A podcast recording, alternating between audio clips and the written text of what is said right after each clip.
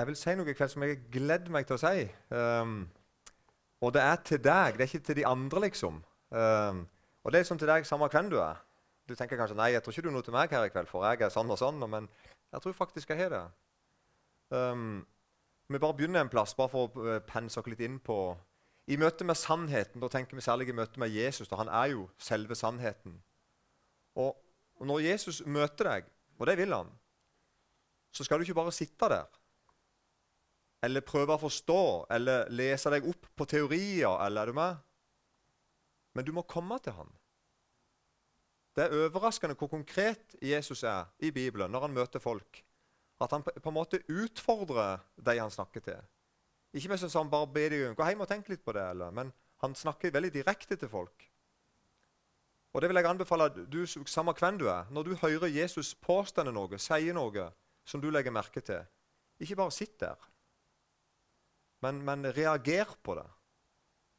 Uh, responder på det. Og for I Johannes 10, 27 så sier Jesus da er han liksom hyrde, og så er vi sauer, eller får, som det stender her. da. Mine får hører min røst, og jeg kjenner de. Det er jo et, et, et fint vers at vi, vi er sauer, og, og, Jesus kjenner oss. Men så er det, en, det er et komma der, ser du. Så kommer det bare sånn en, en liten sånn en, et lite tillegg der som egentlig bare er en, sånn en automatikk eller en logikk hos Jesus. Altså, Mine får høre min røst, jeg kjenner dem, og de følger meg. Er ikke med? Liksom bare en sånn logikk. At det ikke bare er sånn at eh, jeg er en sau, og så, og så kjenner jeg hurden min, og så, og så, på en måte kan vi ringe til hverandre hvis vi vil. Eller, så, nei, er, vi, har et, forhold, og jeg følger han. Det er en del av det å, å høre han til. At jeg, jeg hører han, han kjenner meg, jeg kjenner han. Og ergo så følger jeg han. Og Det handler om sånn en, en, en, reaksjon, en bevegelse. Det er ikke bare sånn at jeg sitter og tenker en eller annen plass og grubler på ting. Så, så, for å si det på en annen måte, da Vil du ha? Be. Sånn snakker Jesus. Vil du finne? Leit. Vil du at det skal lukkes opp for deg? Bank på. Det er rart Jesus snakker sånn. Han sier det rett, rett til meg som et løfte i Matteus 7,8. Vær den som ber, han får. Den som leter, han finner. Og den som banker på, skal det bli lukket opp for. Det er et løfte. Jesus gjenger høyt ut skulle jeg si, og sier det. Be, så skal du få. Leit, så skal du finne. Bank på, så skal det bli lukka opp for deg. For hver den som ber, han får. Den som leter, han finner. Og den som banker på, skal det bli lukka opp for. Så egentlig blir det sånn at eh, når vi har mista trua på oss sjøl, da kan jeg kanskje begynne å tro på Han. Ofte er det sånn at eh, Jeg har ofte tenkt sånn før at eh, jeg skal begynne å lete når jeg har funnet noe. Er det, med? Altså, det blir sånn motsatt. Men det er jo sånn at nei, Jesus sier du skal begynne å lete. Og så skal du finne noe. Ikke motsatt. Ikke sånn at du skal først finne noe, og så skal du begynne å lete. Nei, Jesus sier begynn å lete, så skal du finne. Begynn å banke på døra, begynn å banke på døra, så skal det bli lukket opp for deg. Begynn å be, så skal du få. Og Derfor er det sånn at en kristen så erfarer vi mer og mer at det er sånn at det er, det er, i møte med Jesus at jeg får tillit til Jesus. Det er ikke sånn at jeg først sitter og spekulerer ut hva jeg tenker om Jesus. Jeg sitter og opparbeider meg en slags respekt for han, en slags tillit til han, en slags tro på han. Og så når jeg føler at nå, jeg, nå, jeg, nå tror jeg nok på han, så kommer jeg til han med trua mi og sier ikke 'Herre Jesus, nå er jeg her med trua mi'. Nei, det er motsatt. Det er sånn at du kommer før du tror på han. Du kommer før du, at du, før du har funnet noe, før noen dører du lukker opp. Så kommer du til han. Og så driver du og banker og leter og ber. Det er sånn det er. Og så begynner du å oppleve at du finner, og det blir lukket opp for deg, og du får. Og så stiger det ei tru opp i livet ditt. En erfaringsbasert tru, kan vi godt si. Jeg leita, jeg fant, jeg banka på, det ble opp, jeg ba, og jeg fikk. Og Det er bare Jesus som kan gi deg den tilliten.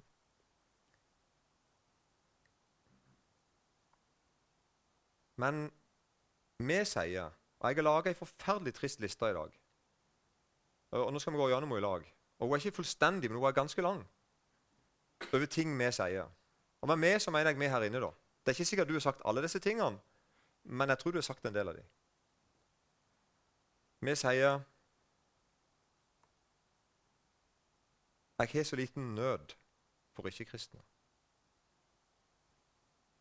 Er det ikke mer på nød?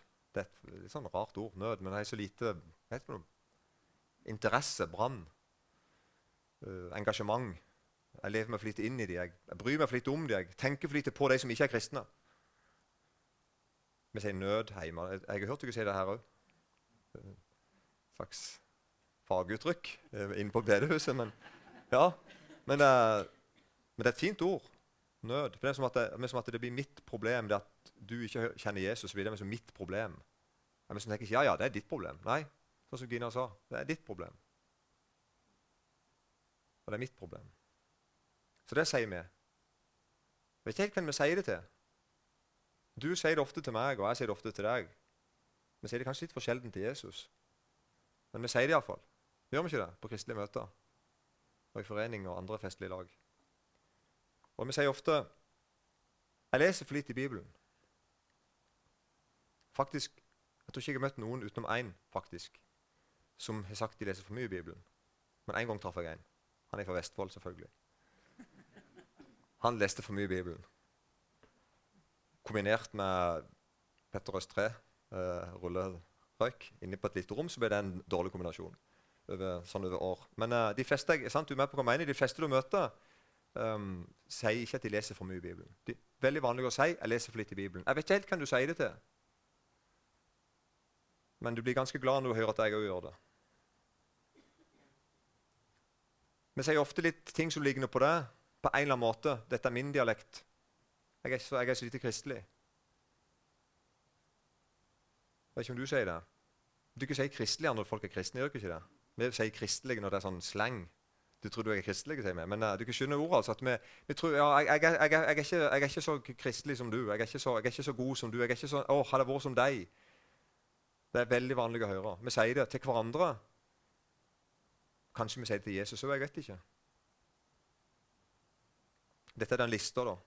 Vi kan ofte si jeg er ikke, jeg, jeg er ikke kristelig og jeg, jeg, har gjort så mye galt.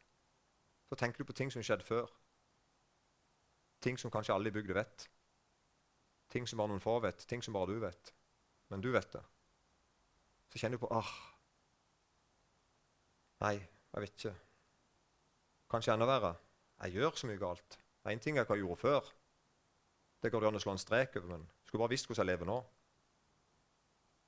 Skulle bare visst hva problemet jeg har. Skulle bare visst hva jeg satt fast i.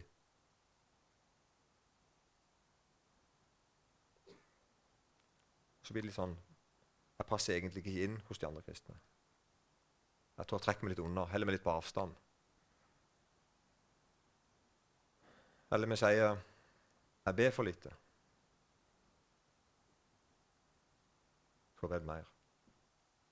Så kommer noen og sier at du skulle ha trodd mer på sier, ja, jeg skulle ha trodd mer på Helt sant. Det høres helt rett ut. Vi ber for lite.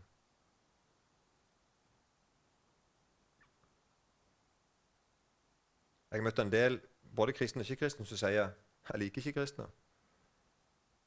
Jeg vet ikke om noen her har det sånn, men uh,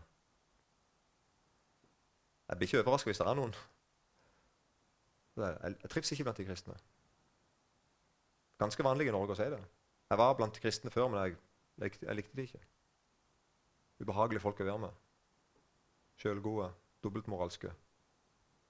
Eller konservative, eller jeg vet ikke jeg, hva de vil si om kristne. Eller jeg bare trivs ikke med dem. Syns det var rart det de holdt på med. De sa de trodde på et eller annet, men når jeg var i lag med dem, så fikk jeg ikke tak i hva de trodde på. Det ble bare noe prat og noen sanger og noe greier. Så gikk de hjem, og så levde de som oss andre. Jeg kjenner ganske mange som ikke liker kristne. Og for helt ærlig så skjønner jeg en god del av dem. Til meg når, det, når det rammer meg. Kanskje det er her inne òg som ikke liker kristne. Gud velsigne deg.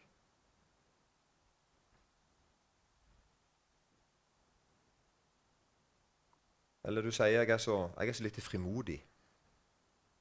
Det er sjelden jeg sier noe om Gud liksom, og vitner og sånn.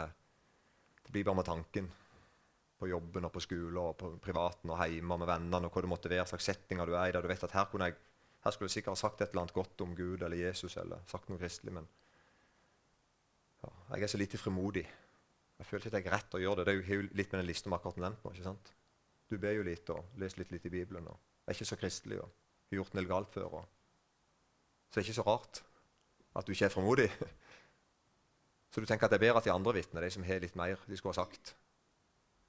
De ekspertene kan ta seg av det der. Veldig mange sier 'Jeg vet ikke om jeg engang om jeg er kristen'. Det er veldig vanlig å si. Folk i alle aldre som jeg snakker med, det er noe av det vanligste som går igjen. Jeg vet faktisk ikke om jeg er kristen. Jeg vet jeg går i et kristent miljø, jeg vet en kan det i Bibelen. og jeg vet ikke en del kristelige vaner, og sånn, men utover det så Jeg er ikke sikker på hva det vil si å være en kristen. Jeg har lyst til å være det, av og til har jeg faktisk ikke lyst til å være det. og Det varierer faktisk. jo. Det er ikke mitt liv og mine vaner og sånn som gjør at jeg ja, Er det ikke meg? Ganske vanlig å si. Enda flere sier det. Jeg er i tvil om Bibelen er til å stole på. Hørt så mye rart om en bok i det siste. Lærer på skolen at det, det er jo bare fjas. Halvparten stopper i det er jo bare tull. Det har ekspertene funnet ut for lenge siden. Så det er bare en eller annen fanatisk kristen som av merkelig grunn holder fast på at nei, nei, nei, det, det er sant. Men det er sant, sånn, sånn, sånn, har folk fått inntrykk av at det er sånn det er. Det er bare tull. Forresten, veldig rart argument noen sier at, at du kan tro på en så gammel bok. Jeg synes det er jo veldig bra å være gammel. Det var dumt hvis Bibelen var skrevet på 80-tallet. Ja, det var jo det. Så det er jo akkurat det at du er gammel, synes jeg er et forferdelig godt poeng. da. Jeg er faktisk haugammel, så jeg er eldre enn du tror. Er, her er det hundrevis år tilbake i tid, og det er veldig bra. Men, men allikevel, det er mange som tenker at kan du stole på denne boka her? Det er et problem for mange. Jeg vet ikke om du snakker med Jesus om dette her. Det vil jeg anbefale deg å gjøre. Noen sier rett ut at jeg er ikke kristen. Jeg tror en del rundt meg tror jeg er det. Men jeg er ikke det. Jeg vet jeg ikke er det.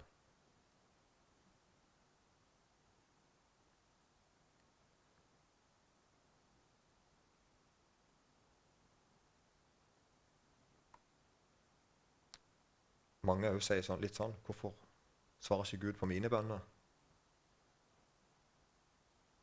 Hvorfor skjedde den og den tingen der? Og hvorfor skjedde sånn og sånn? Og hvorfor skjedde ikke det og det? Og ja, hører de andre si at de er ferdig når de ber. Jeg opplever ikke at jeg er ferdig med å be. Så begynner du å tenke at det er kanskje noe galt med måten du ber på, eller forholdet ditt til Gud, eller, eller kanskje er noe galt med Gud. Og så blir det bare sånn et, en ting du sier, iallfall.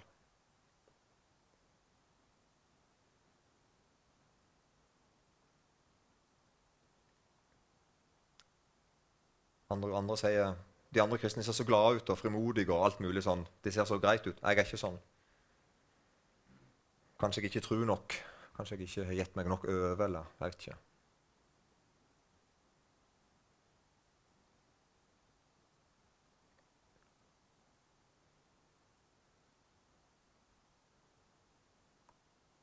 Ofte hører jeg det òg. Før. Jeg husker før. Da var det futt i tingen. Da var det fart i sakene. Da var det Jeg husker før. For noen er det sånn veldig lenge siden. Altså, Nå snakker vi 70-tallet og sånn. For andre så er det mer sånn i fjor. Eller, men, men, det var før.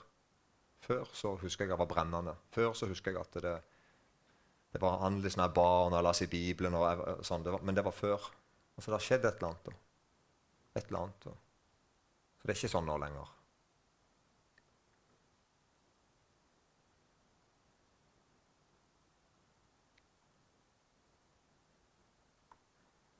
Fyll inn det som mangler, har jeg skrevet. Her er den lista vi akkurat har gått igjennom.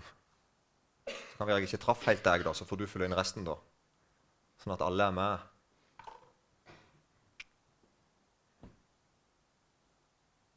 Vi kan gjerne ta ti sekunds stillhet for det, så kan du tenke om det vi snakket om nå. Er det noen sånne ting du tenker på?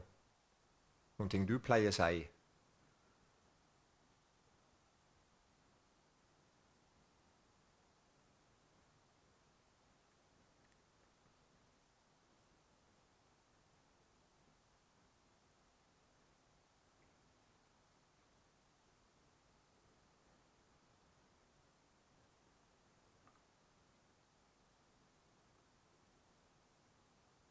Kjære Jesus, se til det jeg skal si nå.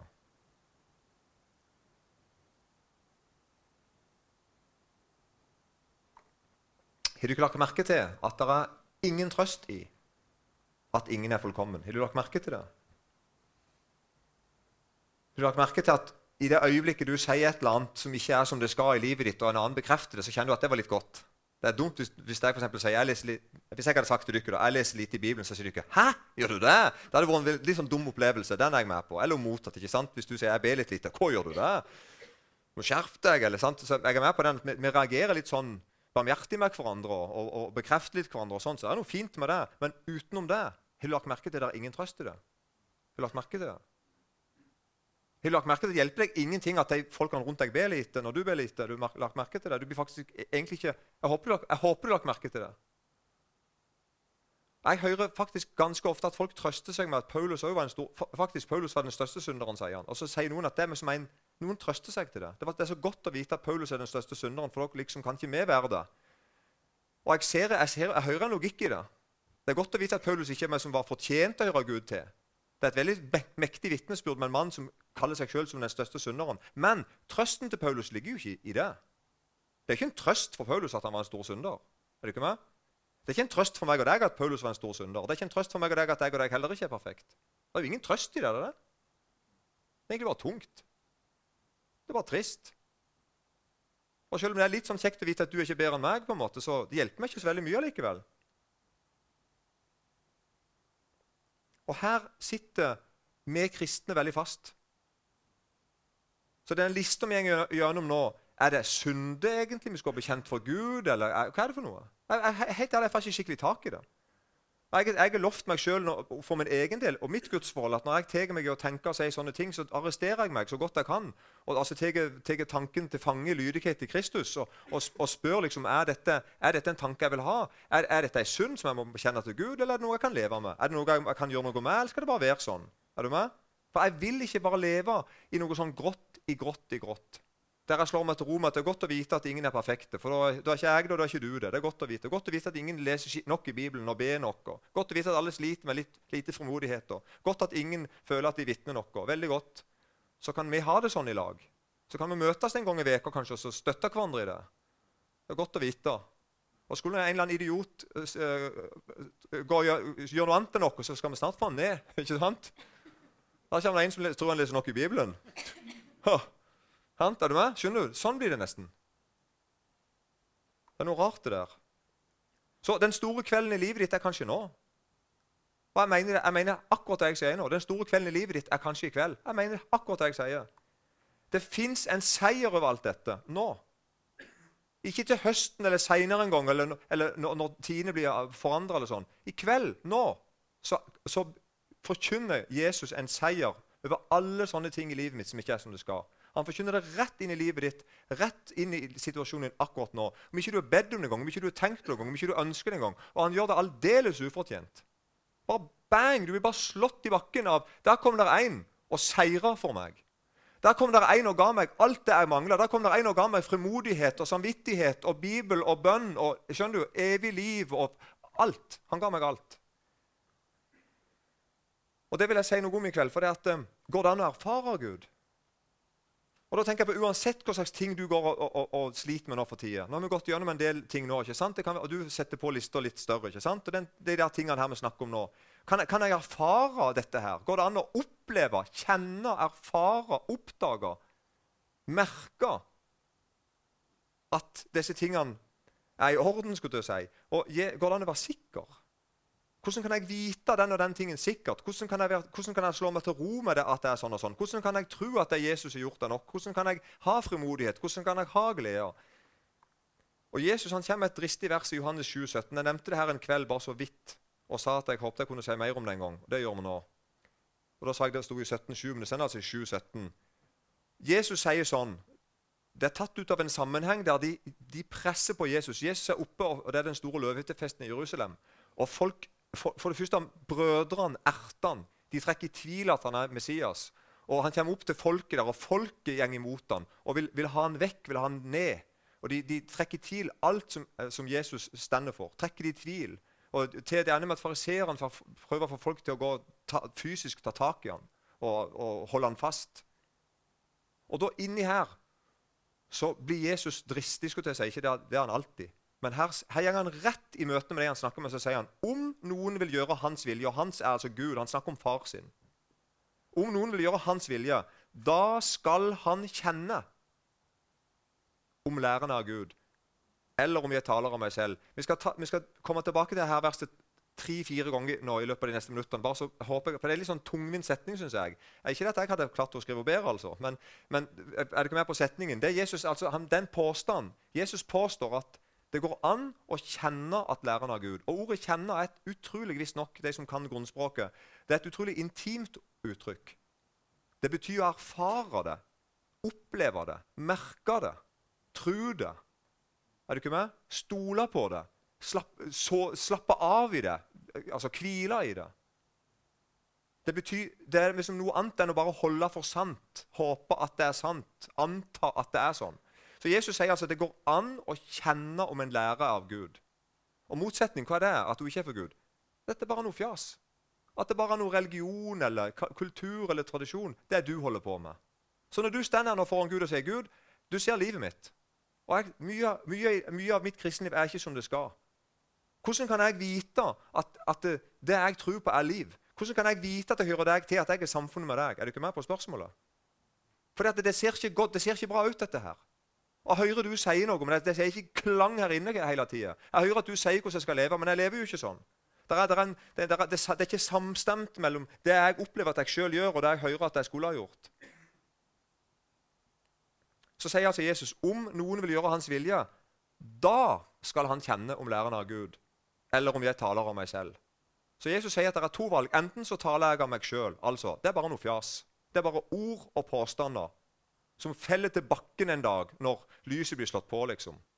Eller så er det jeg sier ifra Gud. Og så sier Jesus her til deg nå i kveld det kan du erfare. Og du kan erfare det i kveld. Det er påstanden her til Jesus. Går det an å bli overbevist, overbevist om Gud? Og nå tenker jeg med den lange lista vi hadde. ikke sant? Går det an å, alle, ja, men Jeg har jo en haug med ting her. Det hadde vært greit nok Hvis jeg hadde hatt en litt bedre utgangspunkt, hvis jeg hadde vært litt mer kristelig, eller vært litt mer flink til å lese Bibelen, eller bedt litt mer, eller følt meg litt mer vel, da kunne jeg kanskje blitt overbevist om Gud. Da kunne jeg kanskje ha trodd at jeg kan gå ut og vitne for ham, at jeg kan be til ham, eller at jeg kan tro at jeg kan finne noe når jeg leter og når jeg banker. Da skulle jeg ha gjort alle disse tingene. Men, men jeg er ikke helt så dårlig utgangspunkt, Gud. Det er sånn snakker vi, tenker jeg. Er du ikke enig i det? at vi gjør det? Jeg gjør iallfall det. Så da blir det sånn at, Kan jeg bli overbevist om deg, Gud, når jeg ikke er som jeg vil? Jeg er ikke som jeg vil engang. Jeg er slett ikke som jeg skal. Men jeg er jo ikke som jeg vil engang. Og når jeg ikke tror som jeg skal, og ikke stoler på deg, og så kommer den lange lista mi, og så har du ei i tillegg. Og da er spørsmålet, Går det an å bli overbevist om Gud? Eller blir det på en måte noe vi bare sier at nei, det går ikke an. Du må bare tro. Som i på en måte anta, håpe i det lengste at det går bra til slutt. eller noe sånt. Er ikke med? Og nå kommer det noe veldig overraskende for meg. Er, bildet, det er, ikke så overraskende bilde, forresten. Han her heter Øyvind Andersen. Han døde i 1994. Og Han var lærer på Fjellhaug, rektor vel, blant annet, og Han var teolog og var veldig kjent. Han skrev andagsbøker og bøker og var rundt og talte. Han er sikkert her og talte en haug med ganger. Og Jeg hørte på en podkast nylig av han, i fjor f.eks. Og, og jeg hørte med, sånn et halvt, hørte med ett øre, liksom. Jeg tror jeg hadde lagt meg, faktisk. Um, og så hører jeg han sa noe. Og jeg måtte spole tilbake og høre på hva det er han sa. Og det var det han sa. Og det vil jeg fortelle dere nå. For han forteller, og Nå er det bare et konkret eksempel. Han forteller at En dag kom en ateist til han, altså en som sa 'jeg tror ikke på Gud'. Han, det var hans utgangspunkt. Jeg, jeg, er ikke religiøs. Jeg tror ikke på noen religion, noen Gud, og slettes ikke Bibelen. Og Så kom han da til han fyren her av, av en eller annen grunn, vel vitende om at han var en kristen mann, en teolog, en misjonærleder og lærer på en bibelskole i Oslo. Så kommer han, så oppsøker han Øyvind Andersen og sier 'Jeg vil snakke med deg'. Og Så spør Øyvind hvorfor vil du snakke med meg. Du er vel klar over hvem jeg er? Ja, sånn, det var der han var. Og Så sier Øyvind at jeg skjønner godt du vil snakke med meg. Det er ikke lett, sa Øyvind Andersen til han. Og så sa han hva da? Det er ikke lett å være artist. Nei, det kunne være sant, det. Det er alltid like lett å ikke tro på noe. Ja, prøv sjøl. Jeg har ikke møtt én som ikke tror på noe i hele mitt liv. Når det kommer til stykket. Seriøst, det er jo kjempevanskelig. Og så sier da han her artisten da, til Øyvind Andersen Kan du, kan du bevise Gud? Eller kan du, ja, kan, kan, går det an å bli overbevist om Gud? Og så svarte Øyvind. Så tenkte jeg nå kommer Øyvind til å si nei, men det, er ditt, men ja, men datt, men nei, men også sånn og sånn, ikke vel, og noe greier. Og, skjønner du ikke? Så svarte Øyvind ja, det går an. Og så er jeg solt tilbake. Hæ? Sa, hva, var, det det han sa? Ja, han sa. Går det an å bli overbevist om Gud? Og så svarte Øyvind Andersen ja, det går an. Og jeg skal gjøre det. På én betingelse. Du må svare meg på et spørsmål først. Og han mannen der, ja, ja, ja, han var jo med. Er du ikke med? Og det, dette her, altså, Jeg håper jeg får formidla det så godt som Øyvind Andersen gjør. Hvis ikke kan jeg anbefale den podkasten. jeg skal, jeg skal ikke om jeg finner den igjen. um, men, men Øyvind Andersen trekker fram et, uh, et bord. Med dette et bilde av et Ikea-bord. Jeg vet ikke om det var akkurat sånn det han hadde, men dette var sikkert før Ikea. Så sier Øyvind Andersen Hvordan vil du overbevise en blind om at det står et bord i rommet? Og forresten, Øyvind Andersen var blind, så han visste hva han snakket om. Så han sa til, han sa til ateisten at før jeg nå skal overbevise deg om Gud, så må du svare meg på hvordan vil du overbevise en blind det står et bord i rommet. Du kan være på spørsmålet. Og så Gjør jeg noe galt når du blinker, eller er det bare, det er bare på gøy? Ja. ja. Og så, um, og så sier da um, så sier da Øyvind Andersen, så spør han han mannen da om det, om, uh, om det med bordet. Og så svarer han mannen ja, jeg ville jo ha sagt det til han. Jeg ville bare sagt til den blinde der står et bord i rommet. Det er ikke noe, jeg mener, er det noe å lage noen nummer av? Og så sier Øyvind at ja, men da må jeg stole på deg. Ikke sant? Da må jeg bare tro på det du sier. Jo, han var enig i det. Det var jo sant nå. Ja, sa han, Jeg ville ha gått bort til bordet sånn, så ville jeg ha gjort sånn. Så ville han sagt Hør, det er bordet. ikke sant? Nå banker jeg på bordet. Og så sier Øyvind at ja, men fortsatt så må jeg bare tro på noe du sier. Det kan være, det kan være noe annet du banker på. Jo, artisten var enig i det òg, han. Så sa han Jeg tror jeg vil lenger bort. Og så ville jeg ha tatt den blinde i hånda. Og så ville jeg ha leie han bort til bordet. Og så ville jeg ha latt han ta på bordet sjøl, mens jeg, mens jeg da, som så bordet, kunne fortelle til han at dette er bordet. Og så kunne vi to ha stått der og opplevd bordet. er det med? Og så sier Øyvind Andersen du svarte helt rett. Det er den eneste måten å overbevise en blind om at det står et bord i rommet. Er du ikke enig i det? Jeg har tenkt på det. Jeg kommer ikke på andre måter å gjøre det på. Så altså Fortell den blinde at jeg bor i rommet. Nei. Bank på bordet sånn at den blinde kan høre. Nei. Ta den blinde med bort til bordet. La han kjenne sjøl. Er du med? Og vi, så gikk da, gikk da, Øyvind i samtalen videre med artisten over til den. Hvordan tro på Jesus? Hvordan bli overbevist om Jesus? Samme hva det måtte være. Altså, eh, bare velg hva som helst. der. Hvordan bli overbevist om noe som Jesus sier? Så kan vi da tenke i bildet da. Jo, vi kan si det. Ja, så kan jeg tenke, ja, hører du sier det. Eller jeg kan si det litt mer og vitne og komme med eksempler. Jeg kan ta meg med Torgeir. Kan han òg vitne som er to, liksom? Sant? Som er tre, som er fire? Så tenker du ja, hører hva du sier. Og det blir litt mer troverdig og interessant når det er flere som opplever det. Men jeg har ikke opplevd noe ennå. Så det vi da gjør, jeg og Torgeir, vi tar deg med bort til Jesus. Og så lar vi, meg, lar vi deg ta på han, hvis du skjønner hva jeg mener med det. Erfare han. Så vi må altså, Det som jeg begynte innledningsvis med Vi kan ikke bare sitte og tenke oss fram til dette. Det er poenget mitt. Når Jesus nå kommer, og kommer deg i møte rett inn i livet ditt med en eller annen ting Du vet hva det er. Hva det måtte være. Det er, et, løfte du ikke klarer å stole på. Det er et problem i livet du ikke klarer helt å håndtere. Eller du vet ikke om du hører Jesus til en gang. Eller er noe du vet er galt i livet ditt, noe du skulle ha slutta med eller begynt med. Du, vet hva det er nå. ikke sant? Nå tar jeg deg med bort til Jesus, og så, snakker, og så står jeg der og snakker med deg om Jesus. Skjønner du hva jeg mener? Og så begynner du å erfare det sjøl.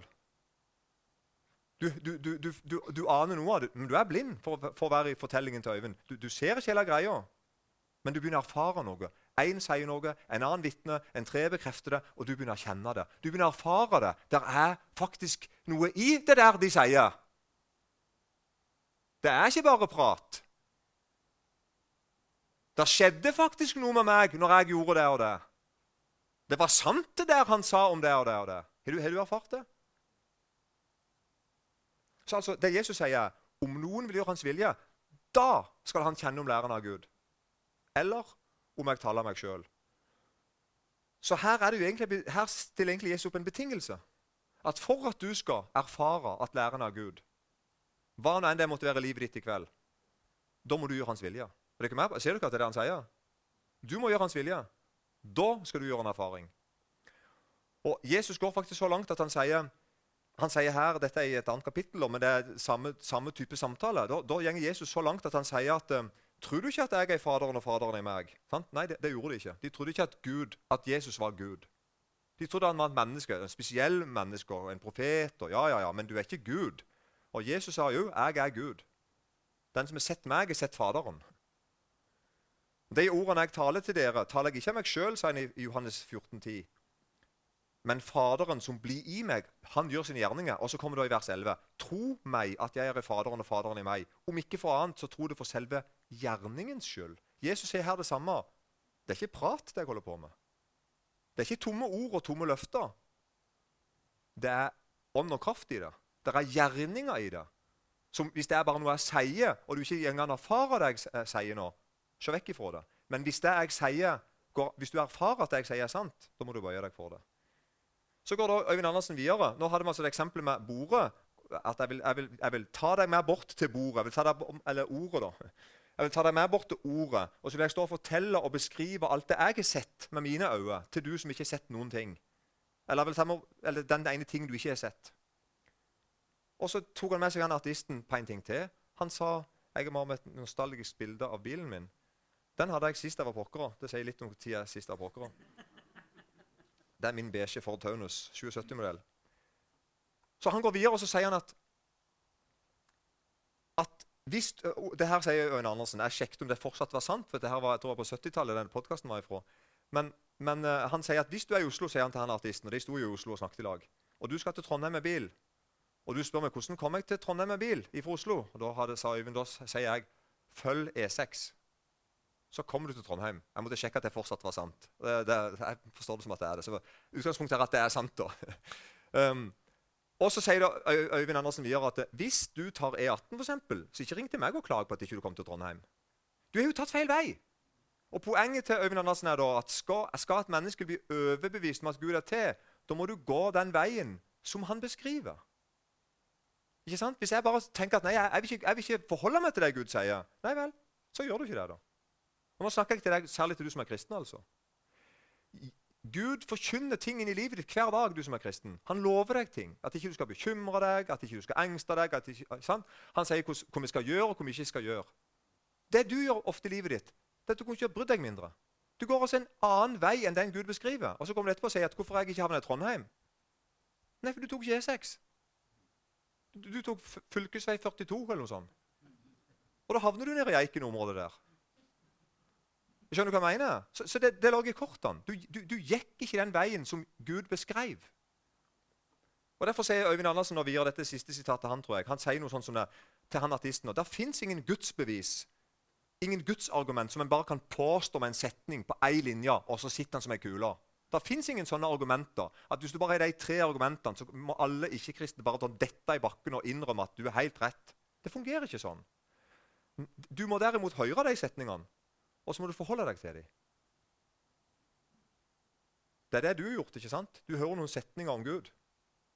Og så lærte du kanskje å forholde deg til dem, eller, eller, du fant ut sjøl. Kanskje foreldrene dine lærte deg det. Jeg må forholde meg til at Gud det, Bibelen påstår at Gud fins. Bibelen påstår at Gud er hellig, at han kjenner meg, at jeg en dag skal møte han igjen. Ikke, ikke og så finne ut at jeg vil, jeg, vil, jeg vil forholde meg til dette her. Og Da går du altså på den veien som Guds ord viser deg til. Og nå får vi et problem. For Hvis vi da skal ta dette ordet på alvor, og det syns jeg vi skal, da er det en betingelse her. At du må gjøre hans vilje. Ikke sant? Det er ikke enig i det? Det er betingelsen her. At om noen gjør, altså Hvis noen gjør Guds vilje, da skal han kjenne om læreren av Gud. Det er et løfte her. Er det ikke med? Og Da er spørsmålet er dette et krav, eller er det en gave. For det er klart at det, Å ja, så jeg må gjøre Guds vilje først? Ja, Går det an å få til? Og så etter jeg har gjort Guds vilje, så skal jeg erfare at det er en av Gud. Ja, ja, men hvor lett er det? liksom? Er, ikke dette et krav? Hva vil det si å gjøre Guds vilje? Som er, som er, som ut, som er forutsetningen for å oppleve og erfare Gud. Og da har jeg skrevet her at De fleste tenker at å gjøre Hans vilje er å holde forskjellige bud og krav. Det er å gjøre det rette og ikke gjøre det som er galt. Er den? Det vil de fleste tenke automatisk. At å gjøre Guds vilje vil, vil si å leve kristelig. på en måte, ikke sant? Holde dere til, til bud og krav og, og holde dere innenfor en del normer. Og Da forstår vi dette verset som jeg nå har lest fire ganger. Da vil vi forstå det sånn det er Johannes 7, 17, at Den som lever etter budene, han vil erfare at Gud er til, er sann, osv. Så, videre. så dette her er forbeholdt de religiøse. Det er forbeholdt de, de flinkeste kanskje i klassen. da. Ikke sant? Som egentlig holder Guds bud. De får, de får som i tillegg erfarer noe. Og da har jeg skrevet her bare prøv det. Det er fantastisk når folk gjør det. Det er fantastisk når noen sier at jeg, jeg vil lese Bibelen, jeg vil faktisk begynne å leve etter den. Da er Noen er liksom redde for det. 'Å nei, du må ikke gjøre det. Det er bare nåde.' og sånn. Nei, bare la de gjøre det.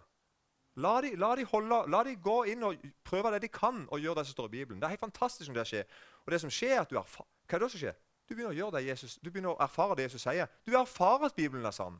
Har du lagt merke til det? Når du prøver å holde budene, når du prøver å være sånn som du kjenner at ikke du er alltid, da erfarer du noe. Gud har rett. Jeg er ikke hellig. Har du kjent det? Da gjør du det der som Jesus sa. Du begynner å erfare at det der prat om, om, om synd og nåde og sånn, det er sant. Hvorfor det? Jeg kjenner det jo. Jeg kjenner jo. Det der, det der prat om at mennesker er ikke sånn som de skal, sånn, og at det er mye grumsjokke Ja, jeg har erfart det. Det er helt sant. Har du prøvd ikke tenkt en drittanke enn en, for 24 timer? Har du prøvd det? Lykke til. Du er ferdig med en gang. Ja, det var jo sant. Det er sånn det har vi erfart det. Om noen vil gjøre hans vilje, da skal han kjenne at læreren av Gud. Der kjente vi det. Er du ikke enig i det? Der kjente vi det.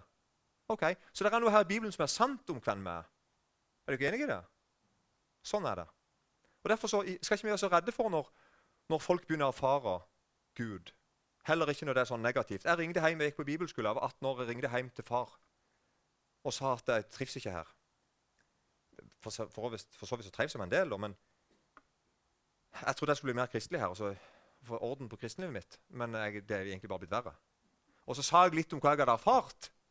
Og noen vers, Jeg hadde en sånn en konfirmasjonsbibel med noen streker som noen gode vers. De, de ga meg ikke døyten lenger. De ga meg ikke trøst. Det var bare sånn, Hva er dette her for noe? Og så hører jeg at, til min store forbauselse at far min ble jo glad.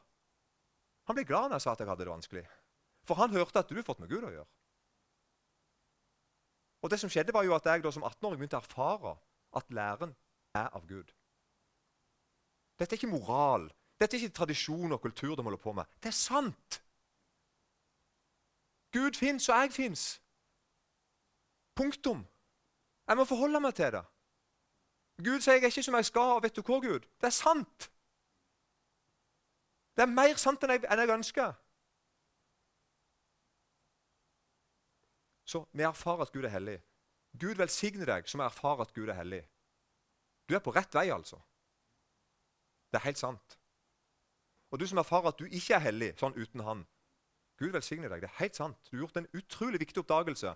Og du har begynt å, å løfte til Jesus dundre inn i livet ditt. Er du med? Jeg, jeg, jeg begynner å erfare at læren av Gud. Bibelen sier at Guds egen lov, altså alle budene i Bibelen, alt av bud og krav som er hellige og gode, og som ikke vi skal ringeakte et sekund, er likevel det er ikke i stand til å gi deg evig liv. Det er ikke i stand til å gjøre deg hellig. Og Det betyr ikke at, at Guds bud er dårlige, men det forteller litt om meg og deg. Så Bibelen sier sånn For det som var umulig for loven altså Gud stender med sin hellige lov, som er god, og sier det er en umulighet her nå. Jeg er, loven, altså jeg har blitt makt, det er noe som er, altså, For det som var mulig for loven, fordi loven var maktesløs pga. kjødet. Det betyr i møte med meg så, så må til meg den hellige Guds bud innrømme dette kan vi ikke fikse. Han der kommer ikke til å slutte å lyve. Han der kommer ikke til å slutte å elske seg sjøl. Han der kommer ikke til å elske nesten som seg sjøl hver dag. Uansett om jeg dundrer på med alt av lovens alvor som fins. Og til og med om jeg så gikk inn for å holde alle bud, og gikk på en slags diett og piska meg sjøl hver dag, og et eller annet, til og med da hadde jeg ikke klart det. Skjønner du hva jeg mener? Bibelen sier det var mulig. Gud står rett og sier min lov, mine hellige bud, min standard, som er god, den er ikke i stand til å frelse deg. Han står maktesløs i møte med deg. Og Dette her erfarer du. ikke sant? Du gjør det. Og begynner å rope til Gud. 'Kjære Gud, hva skal jeg nå gjøre?' Men hør nå videre til den teksten her. For det som var mulig for loven, fordi den var maktesløs pga. kjødet, det gjorde Gud. Er du med? Det gjorde Gud. Når da? Da han sendte sin egen sønn i syndig kjøtts lignelse for syndens skyld. Og fordømte synden i kjødet for at lovens krav om rettferdighet skulle bli oppfylt i, i oss. Vi som ikke vandrer etter kjødet, men etter ånden. Er du med? Det erfarer du. Og nå, Da erfarer du enda en ting. Du erfarer at jeg er, ja, Gud, du er rett i hvem jeg er, og du er rett i hvem du er, og du er rett i hvem Jesus er. Du gjorde det som var mulig for meg. Og Nå begynner, vi å erfare at det der Jesus forkynner, er sant. Jeg erfarer det, jeg kjenner det, jeg opplever det, i tillegg til at jeg hører det og holder det for sant. Og derfor er det sånn at Guds vilje, det å gjøre Guds vilje, her er et eksempel på. Her er fra 1. Timoteus 2,4.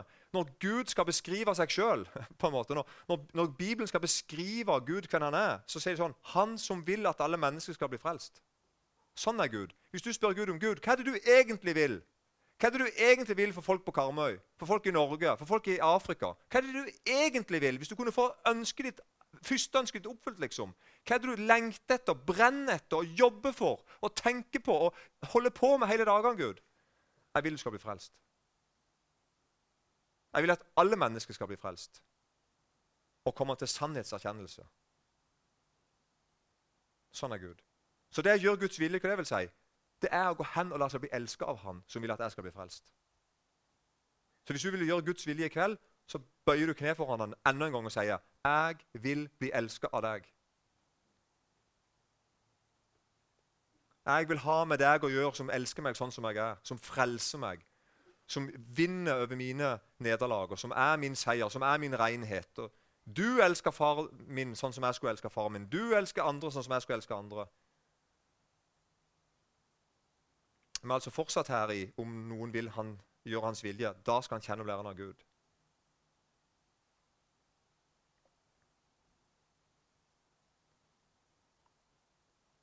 Her er det en fra Johannes 8, 28.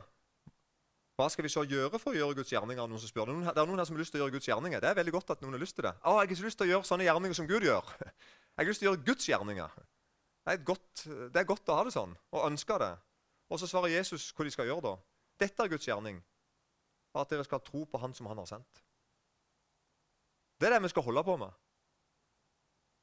At jeg kler meg i, i Kristus og i hans forsoning hele tida. Og alle de der, Den der lange lista gikk gjennom. Kjære deg, altså. Jeg ber på mine knær altså for deg. Ta den der lista der, skriv opp og så se på hva av dette her jeg sier her, vil jeg slutte å si som bare noe jeg kan si, og som ikke er farlig. Hva av dette her jeg sier her, er egentlig synd og elendighet og dritt? Som jeg vil bekjenne til Gud og si Gud, ta dette her ifra meg. Jeg vil ikke leve et liv de neste to årene med at jeg ber for lite og leser for lite i Bibelen, og så vet jeg ikke helt hva jeg skal gjøre med det. Så det bare er sånn. Og alle andre jeg snakker med, sier så, sånn er vi det òg. Det er en som fryder seg veldig da, og det er ikke Gud. for å si det sånn. Så ta et oppgjør med det. Snakk med Jesus om det. Snakk med noen kristne venner om det. Hva skal vi gjøre med den der tingen at vi har dårlig samvittighet for ditt og dårlig samvittighet for datt, og vet ikke helt sånn og vet ikke helt sånn, og skulle vært bedre sånn, og alle andre sånn. og det greier der. Vi, vi, må, vi, må, forstå at det, altså, Skjønner du ikke hva jeg mener? Vi må, ja, jeg får ikke helt ord på hva jeg mener. Men jeg kjenner det frustrerer meg på mine egne vegne, og det frustrerer meg i møte med deg. Jeg har lyst til å rope til dere noen ganger og snakke med dere. altså. Skjønner? Ja. Her, her tror jeg vi ofte vi sitter fast. Jeg kan, jeg eh, en voldsom god venn jeg ringte til og sa at jeg, jeg gruer meg til å tale i kveld. Det var ikke i kveld, det var en annen kveld. Jeg gruer meg til å tale. Jeg er ikke, ikke frimodighet, sa jeg. Så tenkte jeg at nå kunne han hjelpe meg å gi meg frimodighet. ikke sant? Og det gjorde han. Vet du hva han sa? Han sender på melding. Han sa, 'Kristus er din frimodighet'. Wow. Er du med? Det er mye bedre enn å si at Kristus kan gi deg frimodighet. Det er fint at han kan det. Men tenk å vite at Kristus er min frimodighet. Han er din frimodighet òg. Så hvis du, sier, hvis du hører Jesus til å si 'jeg er til frimodighet', så tror jeg jeg skal si vet du hva? Det er ikke sant. Ikke du Kristus? Jo? Han er din frimodighet. Er du ikke enig i det? Jeg tror ikke dette er sånn overåndelig, det jeg sier nå. Jeg tror, det, jeg tror, det er, helt rett. Og Da er vi altså inne på det med at vi gjør hans vilje. Jesus, jeg vil, du vil være min frimodighet. La din vilje skje. Jeg vil, jeg vil at du skal være der. Og så klynger jeg meg til det, og jeg minner meg sjøl på det. Jeg holder fast på det, holder for sant, og så begynner jeg å erfare wow, han var min formodighet. Du blir ikke høy på pærer da heller. Sant? Du, du, blir ikke tøff og, og sånn, sånn, overmodig. og sånn. Du blir sånn som du skal. Du blir fremodig. Og så skal vi ta ting etter ting etter ting sånn. Så Jesus forkynner litt sånn. Begynn å stole på meg. Og med det så mener jeg, begynn å stole på meg. Han sier ikke sånn Vent til du stoler såpass mye på meg at det ikke ser for dumt ut. Og så kan du komme til meg. Men Jesus sier, kom nå, mens du ennå ikke stoler på meg. Og bare begynn å stole på meg. Er du ikke med? Bare begynn med det i dag. Nå ser du Jesus skal jeg sitte fast i ikke den og den tingen der. Og jeg tenker sånn og sånn om det. Og så ser du at egentlig skulle jeg ikke tenkt sånn. Nei, slutt å tenke sånn, da. Og begynn å stole på Jesus. Begynn å innrette livet ditt etter hva jeg sier. Det er det egentlig Jesus sier.